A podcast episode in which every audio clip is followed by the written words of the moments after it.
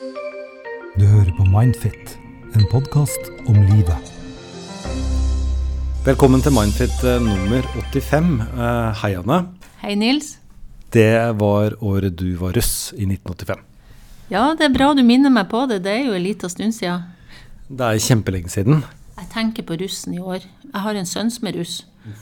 Og så tenker jeg at denne koronapandemien, de har nå vært nødt til å være tålmodige, de her russene. Ja, altså jeg så liksom eh, en liten ansamling på åtte mennesker. Det er kanskje maksen. Stå i rundkjøringen, og så skulle man tute så de drakk øl. Eh, I fjor så var det vel 30 stykker der. Så det blir en annerledes russefeiring. Det gjør det. Men vi skal eh, gjennom to spørsmål som vanlig. Det ene spørsmålet er veldig aktuelt for veldig mange. Fordi det handler om eksamen, og det handler om ekstrem eksamensangst. Og så har vi et eh, spørsmål nummer to. Hvordan kan man øke egen selvhevdelse overfor andre? De skal vi gjennom. Men til det første spørsmålet, som handler om eh, eksamensangst, så har vi da fått eh, en gjest. Ragnhild Heldal. Hallo. Veldig fint etternavn. Ja, tusen takk. Det syns jeg òg. Og du er min datter. Det stemmer. Så dette kan jo bli superkleint. Men um, du, da, du, gjør noe som ikke jeg gjorde så veldig mye av. Du studerer på tredjeåret uh, for å bli psykolog i Bergen. Hvordan er det?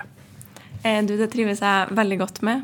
Nei, dere sitter jo, altså Veldig mange skoler er stengt også, så det er jo reneste lesesalen uh, i andre etasje på jobben. Det, det, det, er mange, ikke bare psykologer, men uh, mange barn og venner og kjente og sånne ting som sitter her og leser. Det er en voksen oppgave, skjønner jeg, å lese til eksamen. Ja, og det er Jeg er jo veldig heldig som kan sitte her på jobben din, for de fleste må jo sitte hjem. Og ja, jeg syns i hvert fall ikke det er like lett å konsentrere seg hjemme da, som på skolen. Du er jo 30% ansatt i NTNU for å være lærer for studenter, ikke elever, på psykologiutdanningen. Eh, tror du at noen som utdanner seg til psykolog nå, ikke får seg jobb? Nei, akkurat det tror jeg ikke. Men det er faktisk eh, vanskeligere. Så klart når du er nyutdanna og alle vil helst være i de store byene. Så jeg tror en må regne med å, å jobbe litt utenfor eh, bykjernen da, i starten. Eh, men det er mange jobber og jobbmuligheter, tror nå jeg, da. Uh, og apropos det å være uh, sammen med studenter. Jeg har jo vært sammen med dem på en rar måte denne våren. For når denne pandemien starta, så fikk vi jo ikke lov å møtes lenger oppe på NTNU. Eh, og, disse studentene mine de skulle jo drive terapi med meg som veileder. Så de har altså vært nødt til å vei, altså drive terapi per video med meg til stede, uh, muta, og, og, at jeg ikke syns, da. Uh, og det syns jeg har vært tøft gjort av dem. Og det syns jeg de har klart veldig bra òg, men det har jo vært veldig mye annerledes enn det det pleier å være, da. Hva slags mennesker uh, har lyst til å bli psykolog, tror du?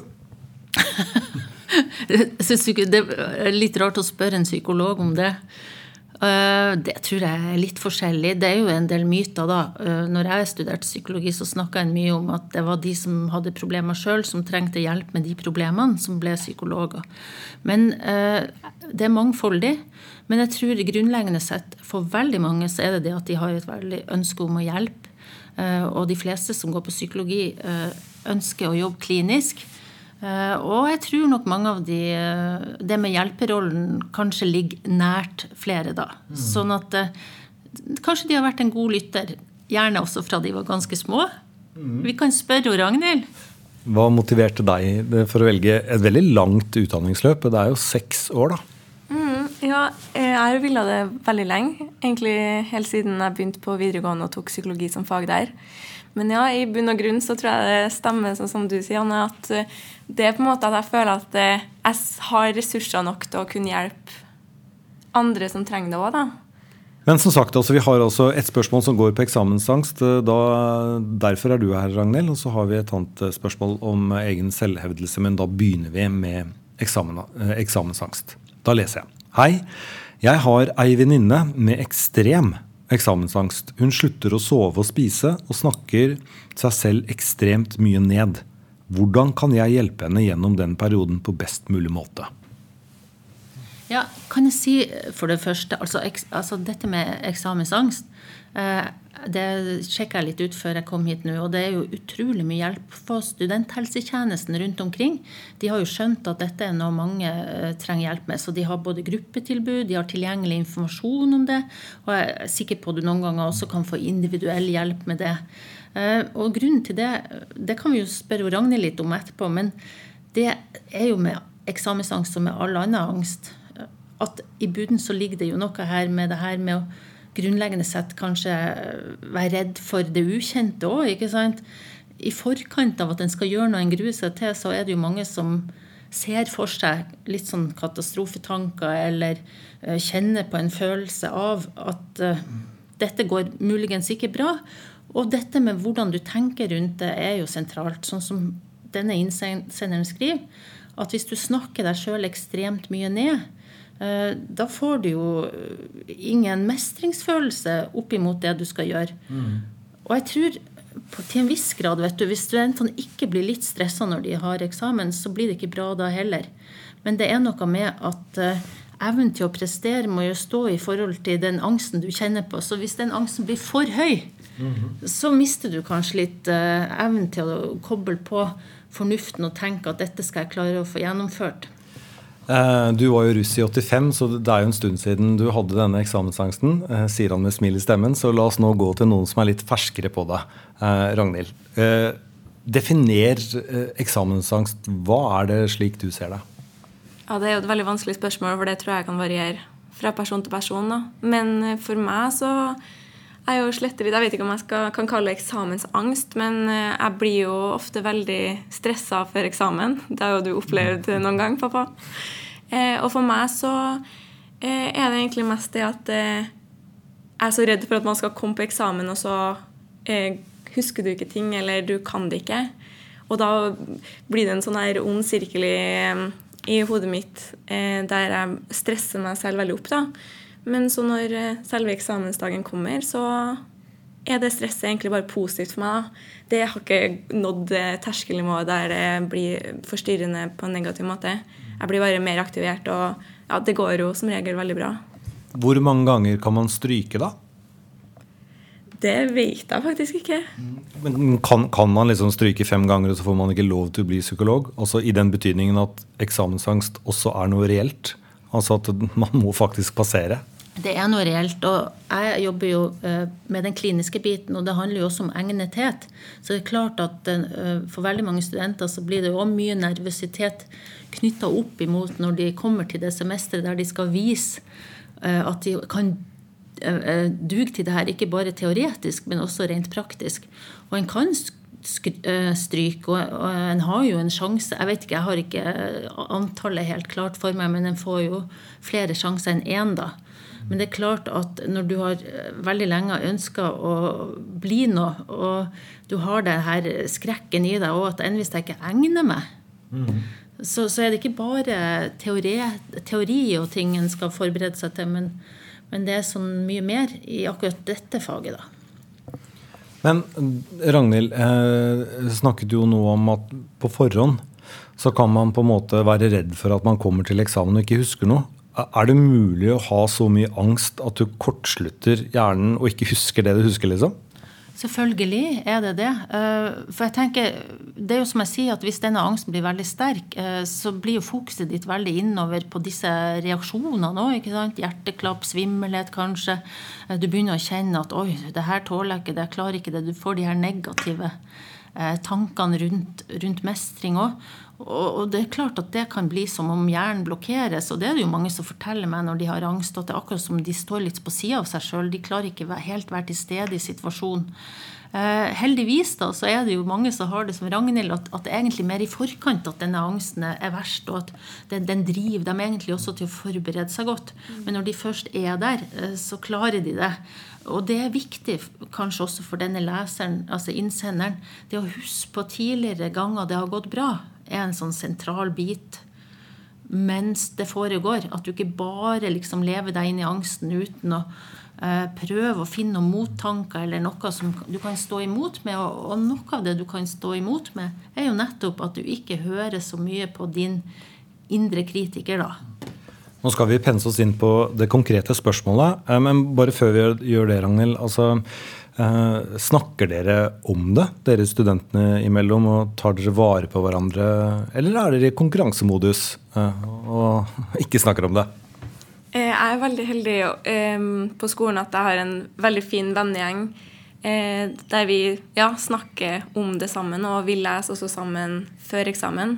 Det er jo selvfølgelig annerledes nå pga. koronasituasjonen, men ja, vi snakker om det, og det hjelper.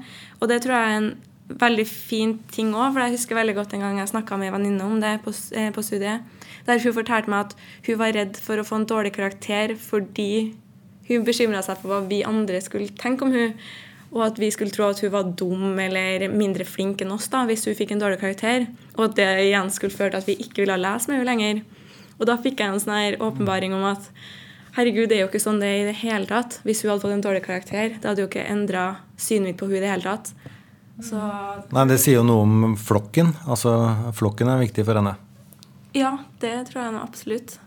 Men Kjenner du noen som har slutta å sove og spise, og, som snakker seg selv ekstremt mye ned, som er da innsenders venninne holder på med? At eh, Rett før eksamen sover ikke, spiser ikke, og kanskje sier 'jeg klarer det ikke, jeg klarer det ikke, jeg klarer det ikke, jeg er dum, jeg er dum'. jeg er dum. Altså, Har du vært borti sånne ekstreme varianter? Eh, ikke hos meg selv, eh, og heller ikke noen nære rundt meg. Nei, men jeg kan kjenne igjen det med at man får mindre matlyst, og det at man sitter lenge og leser eh, til langt på natt og sånn. Eh, men ja, for meg har det ikke vært så, så mye, kanskje. Men eh, for meg prøver jeg heller å tenke på Når jeg kjenner på eksamensstresset, så kan jeg bli litt glad òg, for da får det meg til å jobbe mer. Så nå har jeg egentlig gått og venta litt på at eksamensstresset skulle kicke inn, for da får jeg liksom, det giret til å konsentrere meg. da. Men ok, hva er ditt råd da, til denne venninnen? Altså, hun skriver jeg har en venninne som har ekstrem eksamensangst. Hun slutter å sove og spise, snakker seg selv ekstremt mye ned. Hvordan kan jeg hjelpe henne gjennom den perioden på en best mulig måte? Mm, mm, ja, eh, hun jeg bor med i Bergen, studerer jo medisin. Og vi to har jo eh, på en måte vært der veldig for hverandre i eksamenstidene. Vi har jo ofte det samtidig, og ja, begge to kan bli litt stressa da. Og da er det bare en så liten ting som å kanskje planlegge en kveld at man skal bake kanelboller, eller jeg husker Vi pleier å skrive sånne små lapper til hverandre den dagen man skal ha eksamen. da. Eh, når, når de kommer ut på kjøkkenet, så er det ja, kanskje en tyggispakke da, der det står en lapp 'Lykke til i dag' og 'tenker på deg', sender gode tanker. Bare det å være en støttende og god venn, da, det tror jeg kan være veldig viktig i en sånn situasjon. Så omsorg kan være viktig for å kurere eksamensangst? Jeg tror det er viktig, som Ragnhild er inne på, det her med å tørre å snakke med de rundt seg om hvordan en har det, og at en kan dele den opplevelsen og støtte hverandre. Uh, og, og det, det, det, andre Ragnhild snakker om, det her med å sammenligne seg med andre, altså det er litt sånn typisk, da. At, at en begynner å tenke hva andre vil tenke om meg hvis jeg ikke får til det her. Mm. Uh, for det er jo så interessant, for de som går til meg, de, de har jo mange sånne tanker. Uh, men når jeg spør dem hva de ville sagt til en venn, Altså at du snur perspektivet. Så vil, vil, de jo veldig ofte si at de vil jo aldri ha tenkt det om en venn. Litt sånn som Ragnhild sier, hun ville jo aldri tenkt om venninna si at hun var dum bare for at hun fikk en dårlig karakter eller strøyk på eksamen. Men du må snu det der litt. Altså Skal du behandle deg sjøl eh, mer sånn som du ville behandle en venn, det er i hvert fall en veldig god idé. Mm. Jeg er helt enig. Når har du eksamen? Jeg har den første eksamen 26. mai, og så har jeg den siste 3. juni. Og det er ganske mye arbeid som skal til for å lese til dette her, i den grad at dere sitter og leser eh, så lenge som dere er på jobben her, i hvert fall. Det, det virker som det, liksom, det er tidlig om morgenen til seint på kveld. Ja, nå eh, begynte jeg mye, til, nei, mye senere enn det jeg egentlig pleier å gjøre, så da føler jeg jo litt ekstra på det. da, At jeg må rekke å komme gjennom alt. Så det er jo et annet godt tips. da, Start eh, tidlig, så man ikke får altfor mye vann over hodet. Men til uh, venninnen her så er det egentlig omsorg egentlig som er, eh, er rådet. Uh, vi, omsorg Ja, og bare det å være ærlig på det òg. At ja, hvis det går dårlig på en eksamen, da, så syns jeg det kan være viktig å ikke ikke holde for seg selv og være redd for å innrømme at ja, det gikk litt dårlig i det faget. Fordi det tror jeg kan skape en større åpenhet til andre, og som senker liksom kravene litt. For ofte så tenker man at alle andre er så mye flinkere, og det går så bra med alle andre. Men så gjør det egentlig ikke det, og så er det bare at man ikke snakker om det. Mm. Ja, jeg syns det var godt svart. Ja. ja. Jeg, jeg tenkte eh, Jeg må jo si, fordi mange, mange av de som går til meg altså Nå har det vært rare tider, altså. Du har ikke hatt folk som går til deg pga. eksamensangst? Ja, så har folk som går til meg som studenter som har eksamensangst, oppi, oppi litt annen angst noen ganger òg, selvsagt. Men det har vært vanskelig for mange nå, for at de har nettopp har vært så isolert og sittet alene og jobba. Og konsentrasjonen er kanskje ekstra dårlig når de, ikke når de er inne på hybelen alene og sånn. Så så jeg tenker eh, Det er jo ikke alle som har den her, er så heldige at de har det her nettverket og folk rundt seg. da.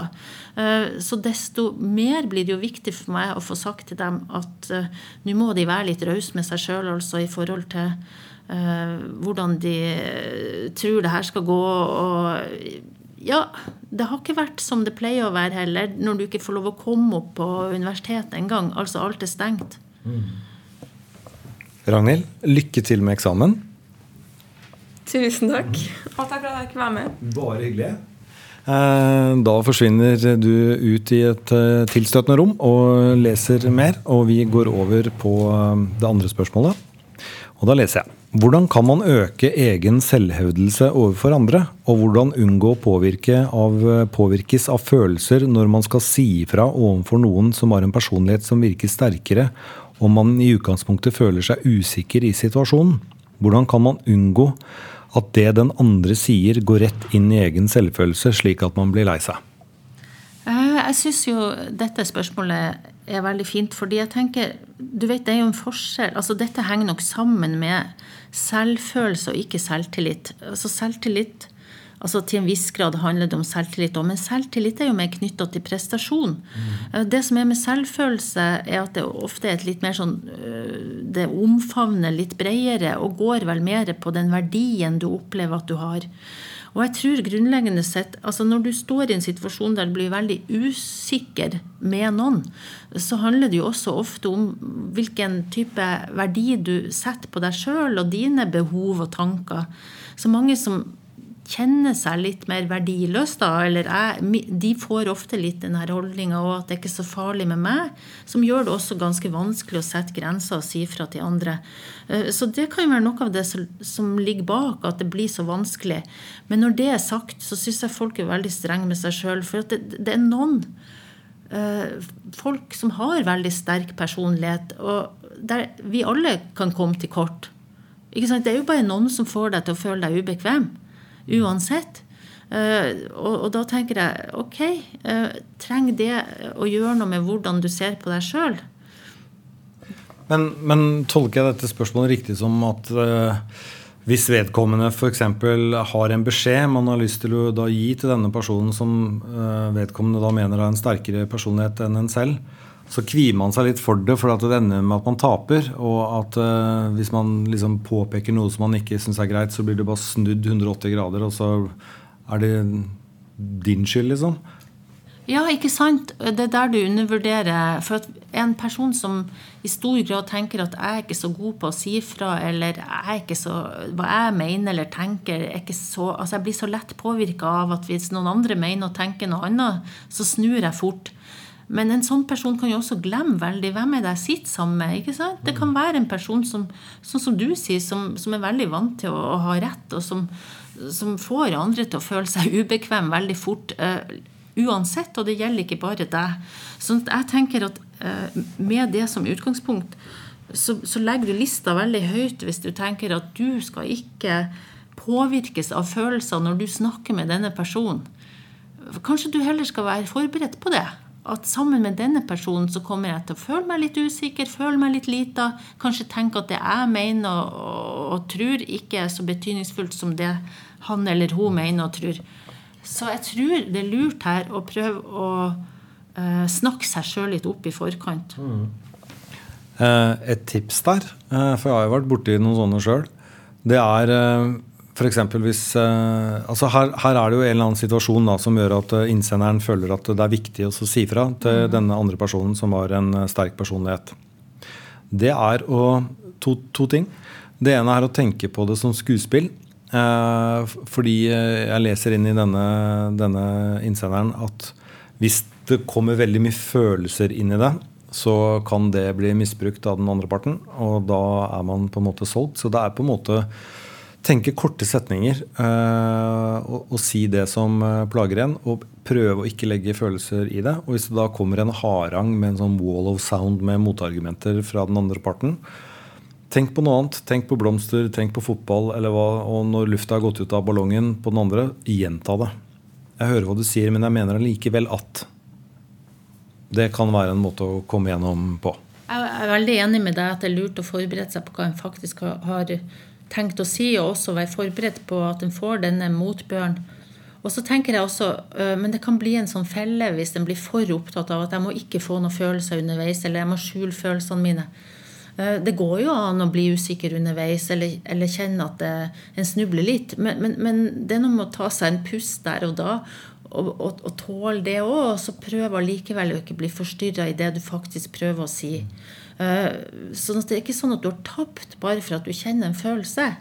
Det er naturlig å kjenne en følelse hvis du skal ha, snakke med noen der du gruer deg sånn som det her. Så, uh, men det er klart at, at, noen vil jo bruke det for det det er godt for, så klart. Den usikkerheten de ser i deg, eller eh, ja, at de fortsetter å kanskje jo, men, men, men, poenget er at det er som oftest avledningsmanøvre. Hvis du f.eks.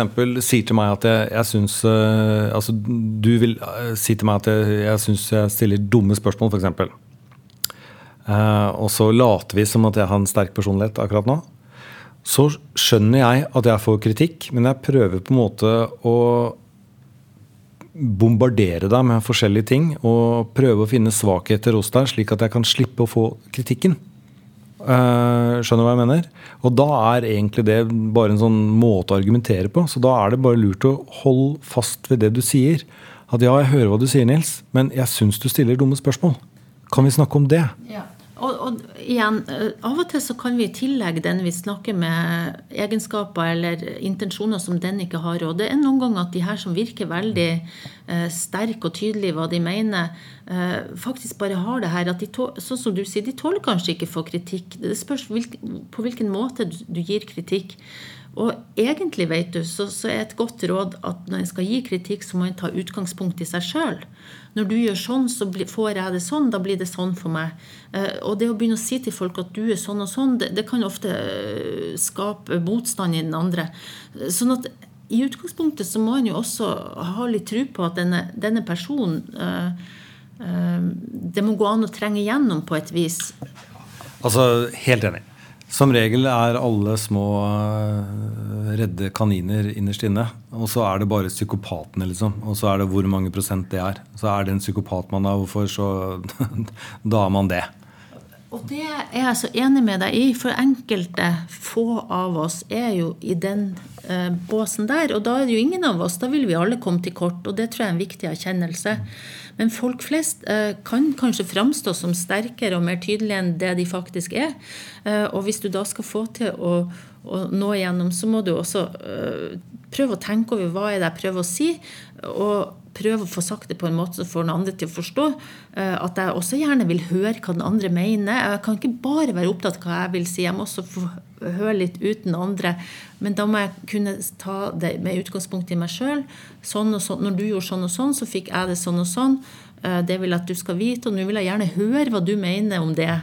Så, så du må være villig til å høre på den andre òg. Men hvis du kommer helt til kort og føler at hele budskapet ditt falt i fisk, og du er bare forvirra etterpå og tenker at 'nå fikk jeg ikke sagt det', jeg ble så utmanøvrert av den andre personen, så er det jo lov å gå tilbake igjen og si vet du, jeg syns ikke jeg fikk sagt det sånn som jeg hadde tenkt det. Mm. Det er lov å, en, en har jo ikke bare én sjanse nødvendigvis. Eller man kan skrive det. Og så er det også viktig å huske på en ting. Det er ingen andre enn deg selv som definerer deg. Det er du som definerer deg selv. Vi andre tolker deg. Og, så, så, den selvhevdelse, altså den, Det er kun du som definerer deg selv. Og Det er viktig det du sier der. For at uh, veldig mange tar jo utgangspunkt i uh, de tankene de har om seg sjøl. Uh, eh, gjerne negative tanker. 'Jeg er ikke god å si fra'. Jeg, jeg, får ikke til det her', og bla, bla, bla. En har en del negative selvvurderinger. Og så kan en ta det kanskje for gitt at det er sånn den andre ser på meg òg. Men det vet vi jo ikke helt. For det er jo vi som bruker, det er jo vi som ofte sjøl kanskje Det vi kan jobbe med, er jo de tankene vi har rundt oss sjøl i møte med andre og mm. prøve å være litt mer uh, anerkjennende på hvordan jeg Altså at det, det er lov å prøve å være litt greiere med seg sjøl, da. Og det samme gjelder også speil. Eh, Hvordan du ser deg selv i speilet, er det bare deg som ser. Det er ingen andre i hele verden som ser det speilbildet du selv ser. Fordi vi tolker det. Det er sant. Det, det er det samme. Du, det var eh, dagens spørsmål, gitt. Og det betyr at Mindfit nummer 85 er nå kommet ved en veis ende. Vi gleder oss allerede til 86. Det gjør vi. Det var året etter du var russ. Begynte du på psykologi da? Nei, jeg gjorde ikke det. Jeg var, begynte året etter der igjen. Hva gjorde du det året? Da var jeg au pair, Nils, Hvor da? i England. Ok, Så du kan engelsk, da? Kunne den gangen, men jeg var ikke så god på å passe barn. Og, og, altså Jeg skjønte fort at jeg måtte finne på noe annet. Men da prates vi, og send, fortsett å sende spørsmål. Det setter vi stor pris på. Ha det bra. Ha det! Du hører på Mindfit, en podkast om livet.